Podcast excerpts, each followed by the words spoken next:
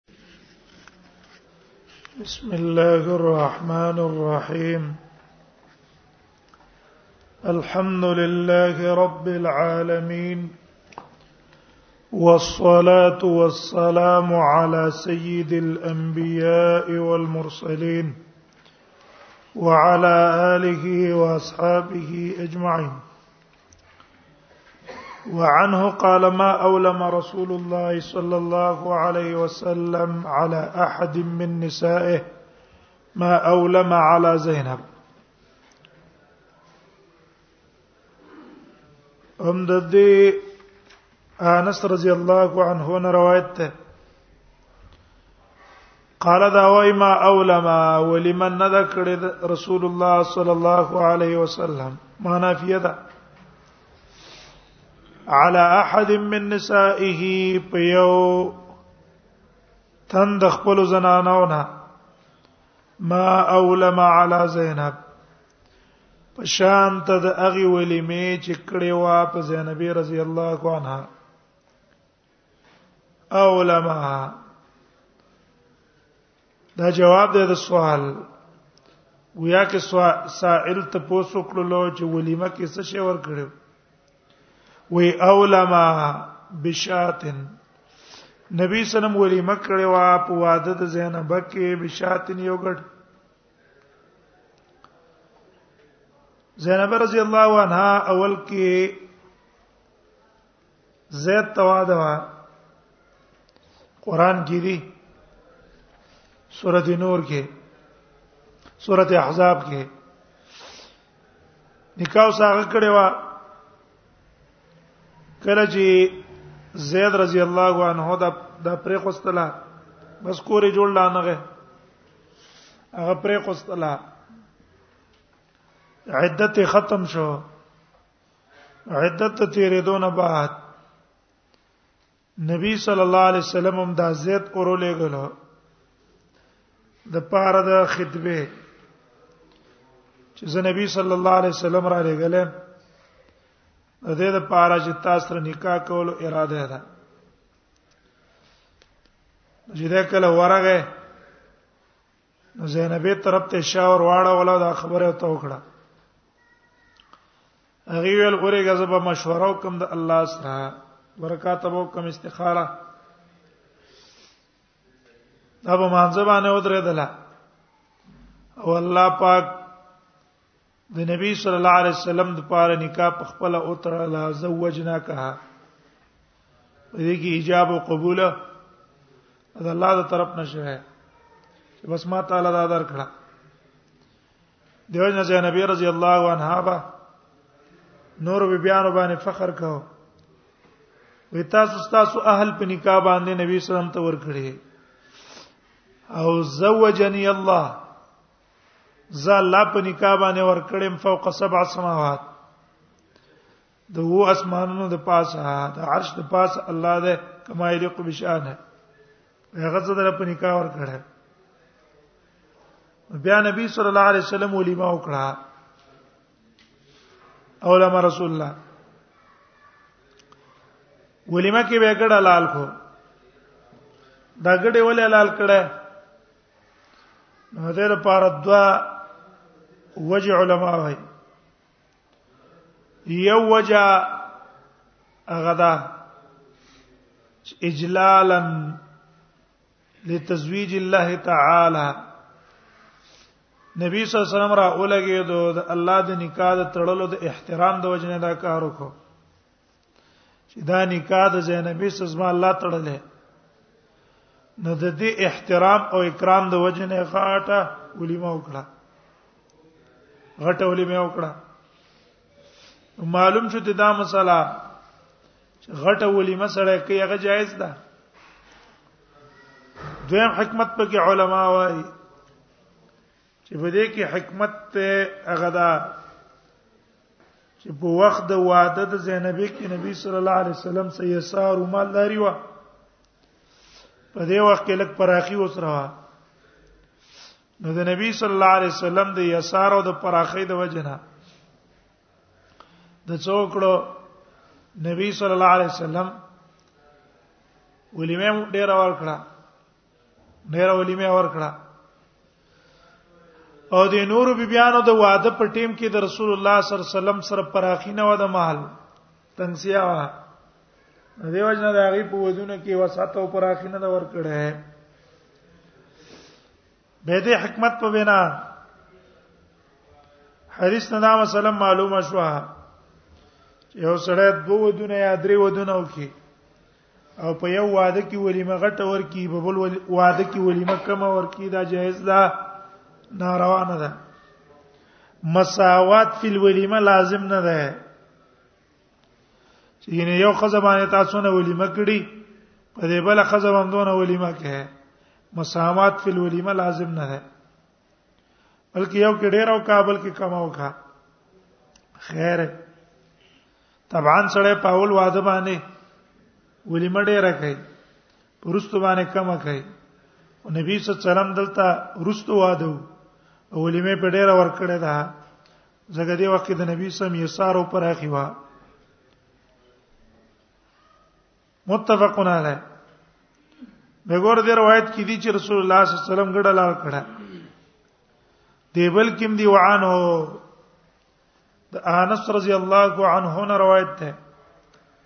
قال دا وی اولما رسول الله صلی الله علیه وسلم وی ولیما ورکړه نبی صلی الله علیه وسلم حين بنیا بزینب کله چې واده کړې شولا زینب بنت جحش بنی اکثر څه کوي چې سړی کله واده کوي نو د خزې د پار اکثر کوټه جوړای دویم چې د یو ځای نه نقل کوي بل ځای ته اکثر ډولې کې نقل کوي کنه په هغه ډولې والے کیږي ځکه دا تعبیر د واده نه په بنا باندې کیږي حين بني ابي زینب بنت جحش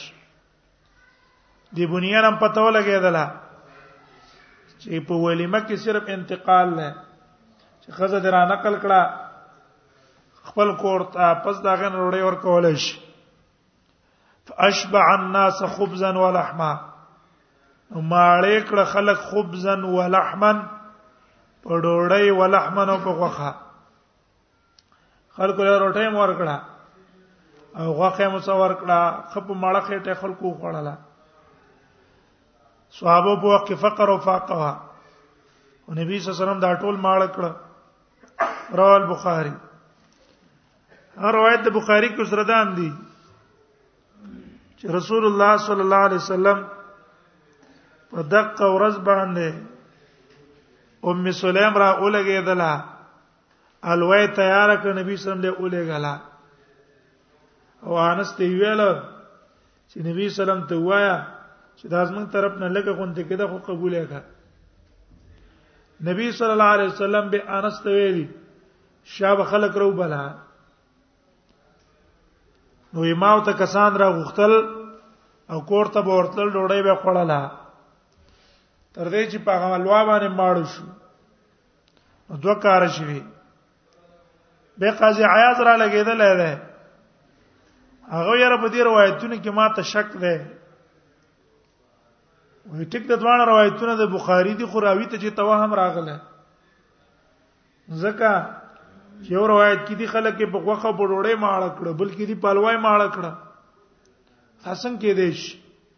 او دوانه د زینبې واده ده نو ځان ته وهم جوړ کړی دی د خپل فهم مطابق زمنګ زمانه ته نه دی کېدلې موږ په زمانہ کې سره په یو غرمه کې څونه ډوړې سو پینډې موږ تاسو پاس کو چې لاړ شو اول کاوي کاوي نرست بیا ورپسې روټي روټي چې پورته شي داغه نرست به کیری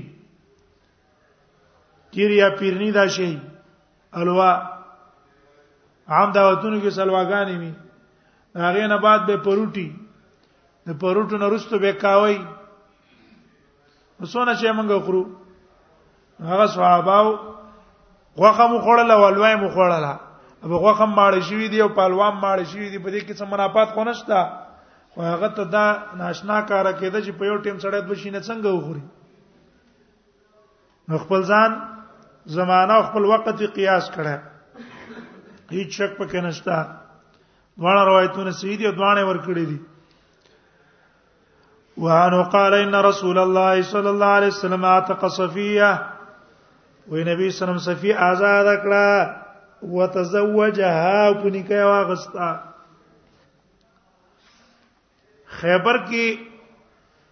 صفیه گرفتار شوی و د تل سکالو کو عمر و او دا د ابن ابي الحقيق دا صفیه چې کومه و دا په ترځي باندې اصل کې واده و هغه وعده وا دی بارک راضی نبی صلی الله علیه وسلم چې کله خیبر فتح کړی نو دا تازه وعده شوی و نو د یو قول مطابق دی خوب ولیدو او دا خوب خپل خاوند ته بیان کو خاوند ته بل قول مطابق دا خوب مور ته بیان کو چې زه ګورم چې مدینه نه چې سپوږمۍ راو ختله او دا را روانه او را روانه استزما په دې لمن کې را پرې وته نو مور ول په دې مخ څه پیړه ور کړه یا ول خاوند ول په مخ څه پیړه ور کړه کنانه پر ابن ربيع د خاوندو په مخ ول څه پیړه ور کړه او وی ویل چې ته خو اراده کې د مدینه کې چې کوم محمد رسول الله دا غیر عادت ده چې راځه به دا خزه وګرځم دیو جن دې مخ باندې لا اثرو چې نبی صلی الله علیه وسلم ته تاسو کو چې دې مخ دې دا دا غولې ده غازی لا پوره روښ شوی نو نو خو به ته به بیان کو نو دا صفیه په قیدانو کې گرفتار شو نبی صلی الله علیه وسلم د دحیه سره وعده کړې و که چرته مون ته قیدین رال زب تعالی دا غینه وی انځه در کوم نو چې په خیبر کې دا قیدین گرفتار شو نو د نبی سلام ته وی چې اې د الله نبی مال یو راکا دوی ته زوار شي یو په کې ځان له وګوره نو د سپیا منتخب کړه صحابه را نبی سلام ته چې دا الله نبی د سفیا د سردار لور ده او خاوند هم د دې علاقې سردارو پلار یې مړ شو خاوند یې مړ شو دا سردار خزا وا په کار دا دی چې دا تو واخلې دا تاسو سره مناسبه ده د پاره د دلجوی د دې دلجوی چې دې سره تاسو ملاوي شي هغه تسلی ملاوي شي رسول الله صلی الله علیه وسلم را اولګېدو د ځان لواغستا او دیحه الکلبی ته د ترلور په یواز کې ورکړه بیا نبی صلی الله علیه وسلم صفی ته ویاله چې دوه خبرې په کې ځان له یو منتخب کا یا به هم دک آزاد به کم خپل اهل ته واپس کېدل غواړي الته به واپس کم خبر کې چې کم خپل خپلوان دي بس هغه ته به واپس کا او یا به په ما ایمان راوړي او چې په ما د ایمان راوړو به بس زه واده او نکاح په تاسو وکم د دوه خبره کې چې ستا کم پسند دي پرېدم د آزادو مده ایمان کې داخله شي نکاح به تاسو وکم او یا به قوم ته واپس کا سفی ول اې د الله نبی زه په تا باندې ایمان راوړم زکه چې زما مخکې نه دا ارمانو په تا باندې ایمان راوړل زکه ما ته حق نبی ښکارا کړي خو زه د بل چا په تسلط کیوم اوس دا غیر تسلط نه الله زاده کړم نو په تا باندې زه ایمان راوړم استدا آزاد کړه او نبی سم په نکاح باندې په خیبر کې په دلار لار کې سواده وکړو پیدا صفیه ډیره نیکه خزا وا ډیره نیکه خزا د دې و ان زوا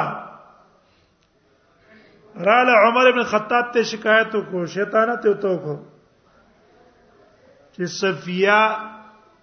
د هفته د ورځې تعظیم کوي وسم د هفته د ورځې عظمت په ځل کې پروت دی دویم ودا د يهوديانو د هغه سره تعلقات ساتي هغه سره څه کوي دا هغه سره تعلقات ساتي نو عمر رضی الله عنه را اولګه دل دې رغوخته او ته وی ویل چې ستاده انزدا ستا مبارک دا خبره کوي نه هغه ته ویل چې کله زه په اسلام کې داخله شوم د اسلام نه بعد ما بل یو شی نه دی خوښ کړی او يهوديانو کې زما خپلوان دي دا خپلولي څه سر پالم نو دا صفیه به راولګې دي انځي تی ویل چې څه باعث په تا باندې چې تا عمر ته دروغ شیطانت وکړ هغه لري و شیطان را باندې باعث ونو شیطان دا وسوسه راکړي سفیه ته زبست می آزاد کړی د الله لپاره تما ته zarar را ورساو ما ته د خیر درو رساو انیکه خزوا وېدا سفیه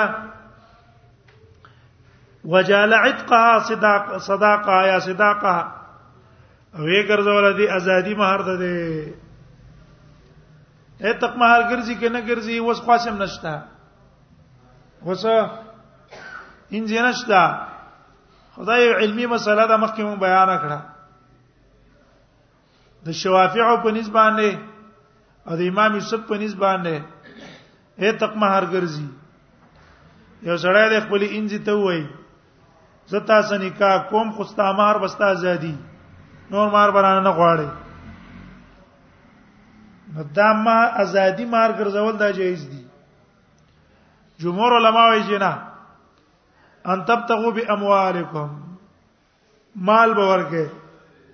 مال او دلته چې تزوجها وجعل عتقها صداقها دا خصوصیت د نبی صلی الله علیه وسلم ده دغه نبی صلی الله علیه وسلم د پاره نکاح بلا مہر جائز ده نو دغه چې نبی صلی الله علیه وسلم د پاره مہر ګرځول عتق عتق مہر ګرځول هم جائز دي لیکن دا قول د جمهور کمزور دی دغه تخصیص د پاره دلیل پکار دی انس رضی الله عنه چې دا خبره کړې ده دا په سبیل د خصوصیت نه ده ویلې بلکې دا ویلې ده په سبیل د شرعي چې ګوره نبی صلی الله علیه وسلم د دې عتق مہر وګرځاو نو د خزه عتق مہر سکیږي دا مہر ګرځي دا مګرځولې جایز شو وجعل اتقا صدقها واولم عليها بحيث اولې مې وکړه پاغه باندې بحيث الوا دلته اصل کې مناسبت پدې کې ده ګور رسول الله صلی الله علیه وسلم پاغه باندې څه کړي ولیمه کې الوا ور کړي او الوا څو لاندې روایت کړي وانو قال قام النبي صلی الله علیه وسلم بین خیبر ایثار شو نبی صلی الله علیه وسلم د خیبر او مدینه په منځ کې ثلاث لیال دریش په دریش په تل ایثارو په سفر سفر کې وعده کړه اشاره کوي دیتا ګوره وعده د نگران کار نه ده آسان کار ده واسه بس مونږ ته قصې جوړې کړې دي یوبنا علیه بسفیه وعده کېدل شو نبی سلام ته سفیه دې کې نبی سلام ته څه کېدل سفیه وعده کېدل شو فدعوت المسلمین الی ولیمته ما دعوت ورکو مسلمانانو ته الی ولیمته ولیمه د نبی صلی الله علیه وسلم ته خلق ته مې اجازه کرا شي د نبی صلی الله علیه وسلم ولیمه ده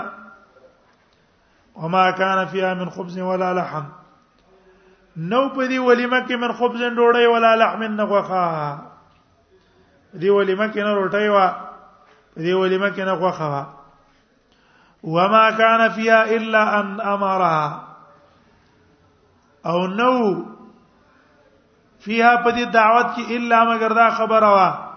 ان امر بالامطاع چې حکم وکړو بالامطاع په دسترخوان امطاع جمع د نطع ده د څرمنې دسترخوان ته ویل کی څرمنو دسترخوان باندې فبوسطت هغه غړول شو فالقي عليها او به واچول شو په دسترخوان باندې التمرو کجوري والاقط او پنیر والسمن او سوچ غوړي سوچ غوړي پنیر او کجوري دا په واچول شو مکس کړی شو او الواته جوړه شو او هغه په خلکو باندې وخوړاله زو کازورو د نبی سم ولي ما آسان کارو دیو جن د شر په تابعداري کې سہولت او اسانتیا ده او د شر د احکامو جزئی په حرج او تکلیف کې پریوز ہے رواه البخاري وعن صفيه بنت شيبه صفيه بنت شيبه نه روایت ته قالت دواي اولم النبي صلى الله عليه بعض نساء ولما كان النبي صلى الله عليه وسلم په بعض بيبيان خپلو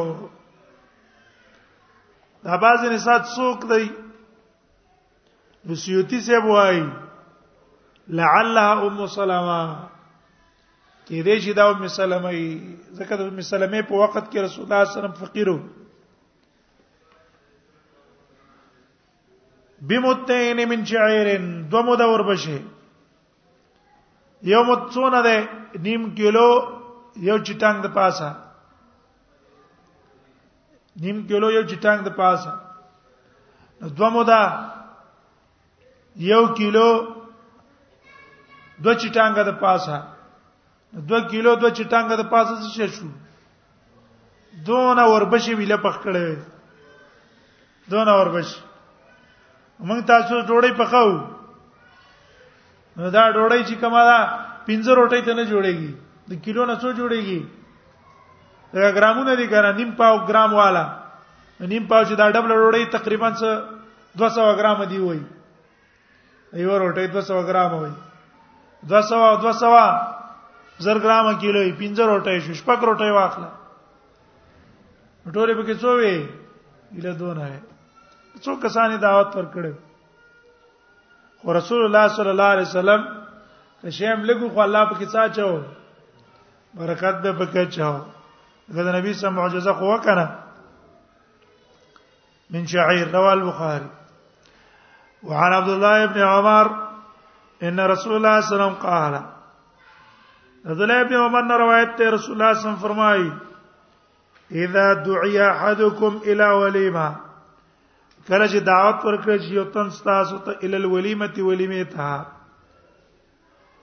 دا قید د ولیمه اولګاو هر دعوت په دې کې داخل نه خدا تنسیس د ولیمه د دې د پاره وکړو چې اکثر خلک دا پری دي کنه وزاله کومه وعده ده نو خلک براغلی زموږ ته ضرورت نشته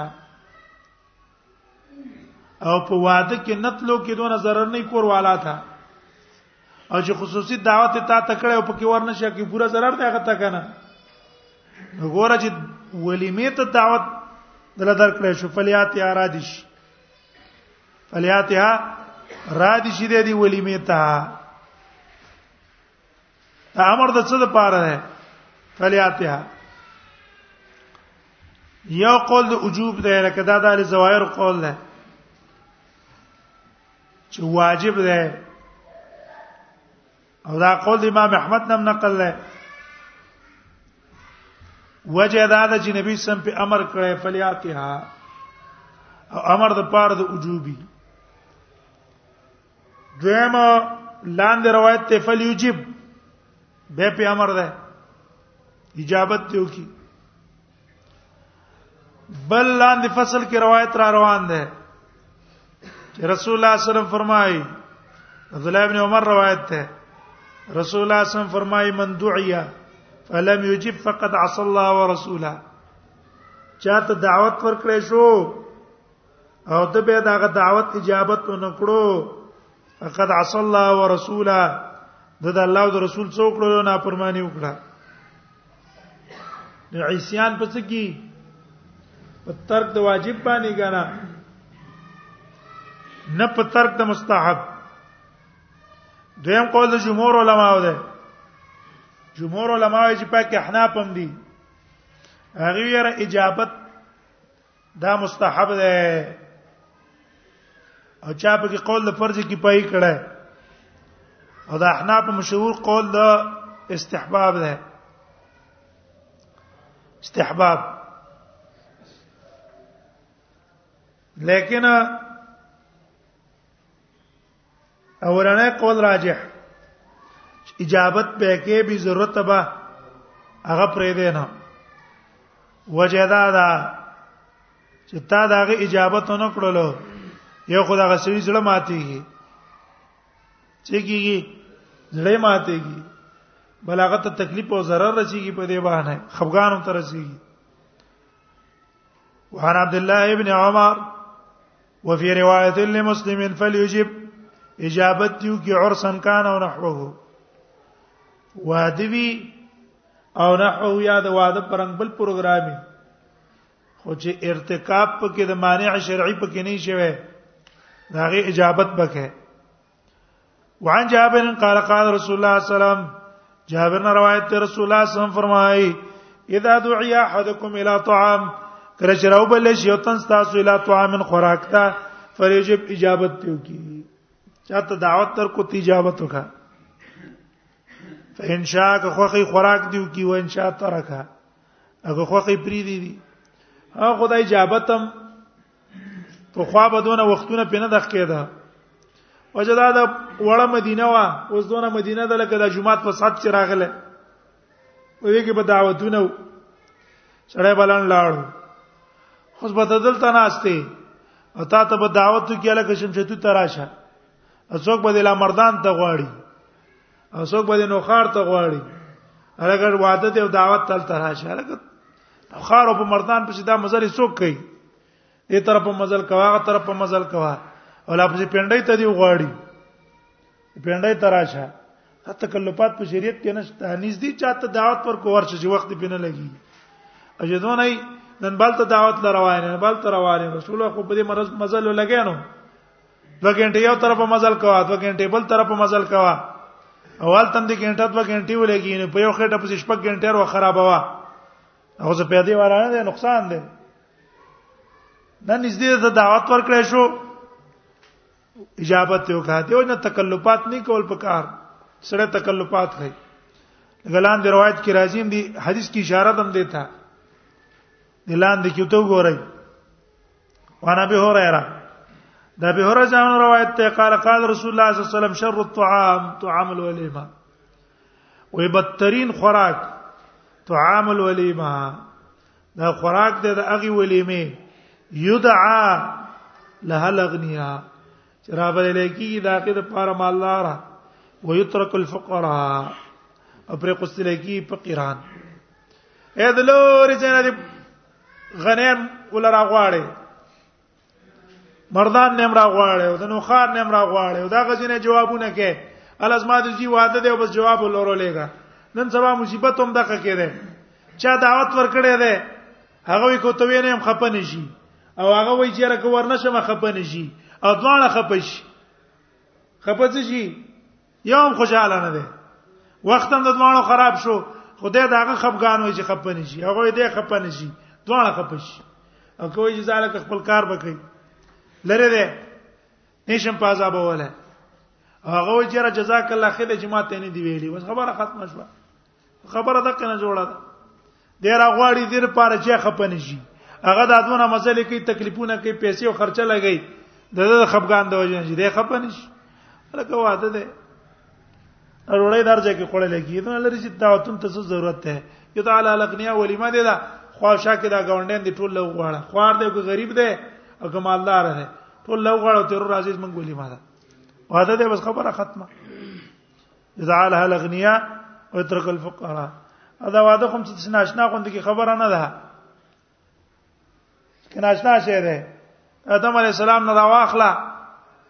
ترنه پورې هم د قواده را روان ده په دې واده سلسله کې موږ تاسو پیدا کیو نسب هم روان دي سلسله هم روانه ده زړه حضور الله ولګي چې ناشنا غوند کی شي امر خارقی کنه او ناشنا غوندګي سره ته تعجب کی هغه څه ناشنا غوندګي نه ده عام عادت والا شی ده خپل وسته وګوره بس تعالی الاغنیا انا به لکی د پاره مالدار وترک الفقراء فقران پر قصره کیږي دا بدترین خوراک ده غرض د حدیث دا شو ګوره ولیمه کې په ولیمه کې ټول لغواړه ستا خواوشا کې گاونډیان کې غریب دی او کمال لار دی ټول رو غواړه او ولیمه ولا ورکا ځکه غرض په ولیمه کې څه دی شکریا ادا کول دي نعمت ومن ترک الدعوه ورکه چا پر قصت اجابت دعوت تا دا چا دعوت درکو او تلا نړي پرې د قصتو قد عصى الله ورسوله په تا قسم مخالفت کو د الله او د رسول صلی الله او رسول عاشی کری کری دی لاندې حملوه علی تاکید الاستحباب دا کمزوري خبره ده اورنه قول راجح ته اجابت څه ده واجب ته به سبب نه دی پر خوستل پکار متفقون علی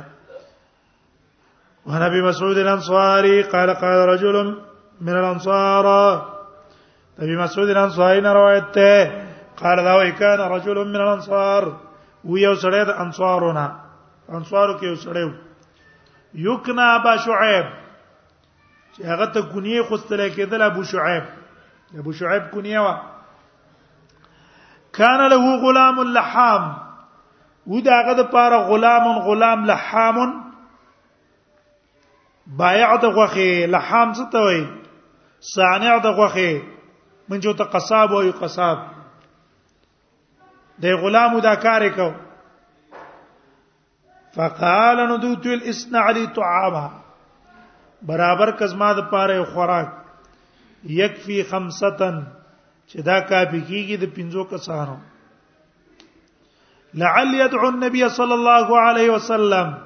شاید چې زراو بل نبی صلی الله علیه وسلم نبی صلی الله علیه وسلم ته دعوت ورکما خامس خمسه پنځم د پنځونه څلو کسب نوري یو نبی صلی الله علیه وسلم پنځو کسان ته دعوت ورکو فصنع له تعیما نو تیار کو دی غلام له دې مالک لرا ابو شعیب لرا تعیمن یو معمولی خوراک تعیم څه ته وایي معمولی غوندې کې خوراک ثم اتاه نو بیا راغه ثم اتاه فدعاه بیا راغه دا شعیب نبی صلی الله علیه وسلم ته فدعاه او را اوبرل دی شعیب هو نبی صلی الله علیه وسلم لرا اتاه فدعاه کی زمير چا تراجه ده نبی صلی الله علیه وسلم ته چې هغه له خوراک څه کو تیار کو دې راغې نبی صلی الله علیه وسلم ته نبی صلی الله علیه وسلم ته دعوت ورکو چې اې د الله نبی ما کوم مل مې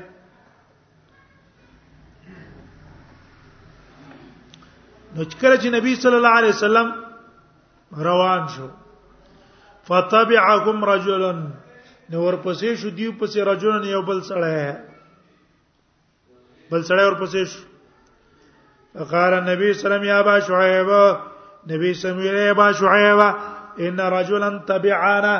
یو سړی موږ پسې شوی دی اسړی ته تا دعوت نه ورکړې خو موږ پسې راغې لارې نه واپس کولای نه شو فإن شئت أذنت لها که خوخه دی اجازه او توکا وین چې تترکته او که خوخه دی پرې ده اجازه او تکي اجازه او توکا او که پرې دی پرې ده دا ولی وجه دا ده دعوت سو کسانو ته شوه ده نور کسان چې دعوت ته نه شوه ځان په ځای نه بوزي وجه دا ده کې دی چې خوراک کم کړي او ته پس نور کسان چې تیور ولیا غریب خو به خامہ خامنډه وای نور به پریشانه کی یا هغه حساب تیار کړی دی مثلا 15 پیرنډه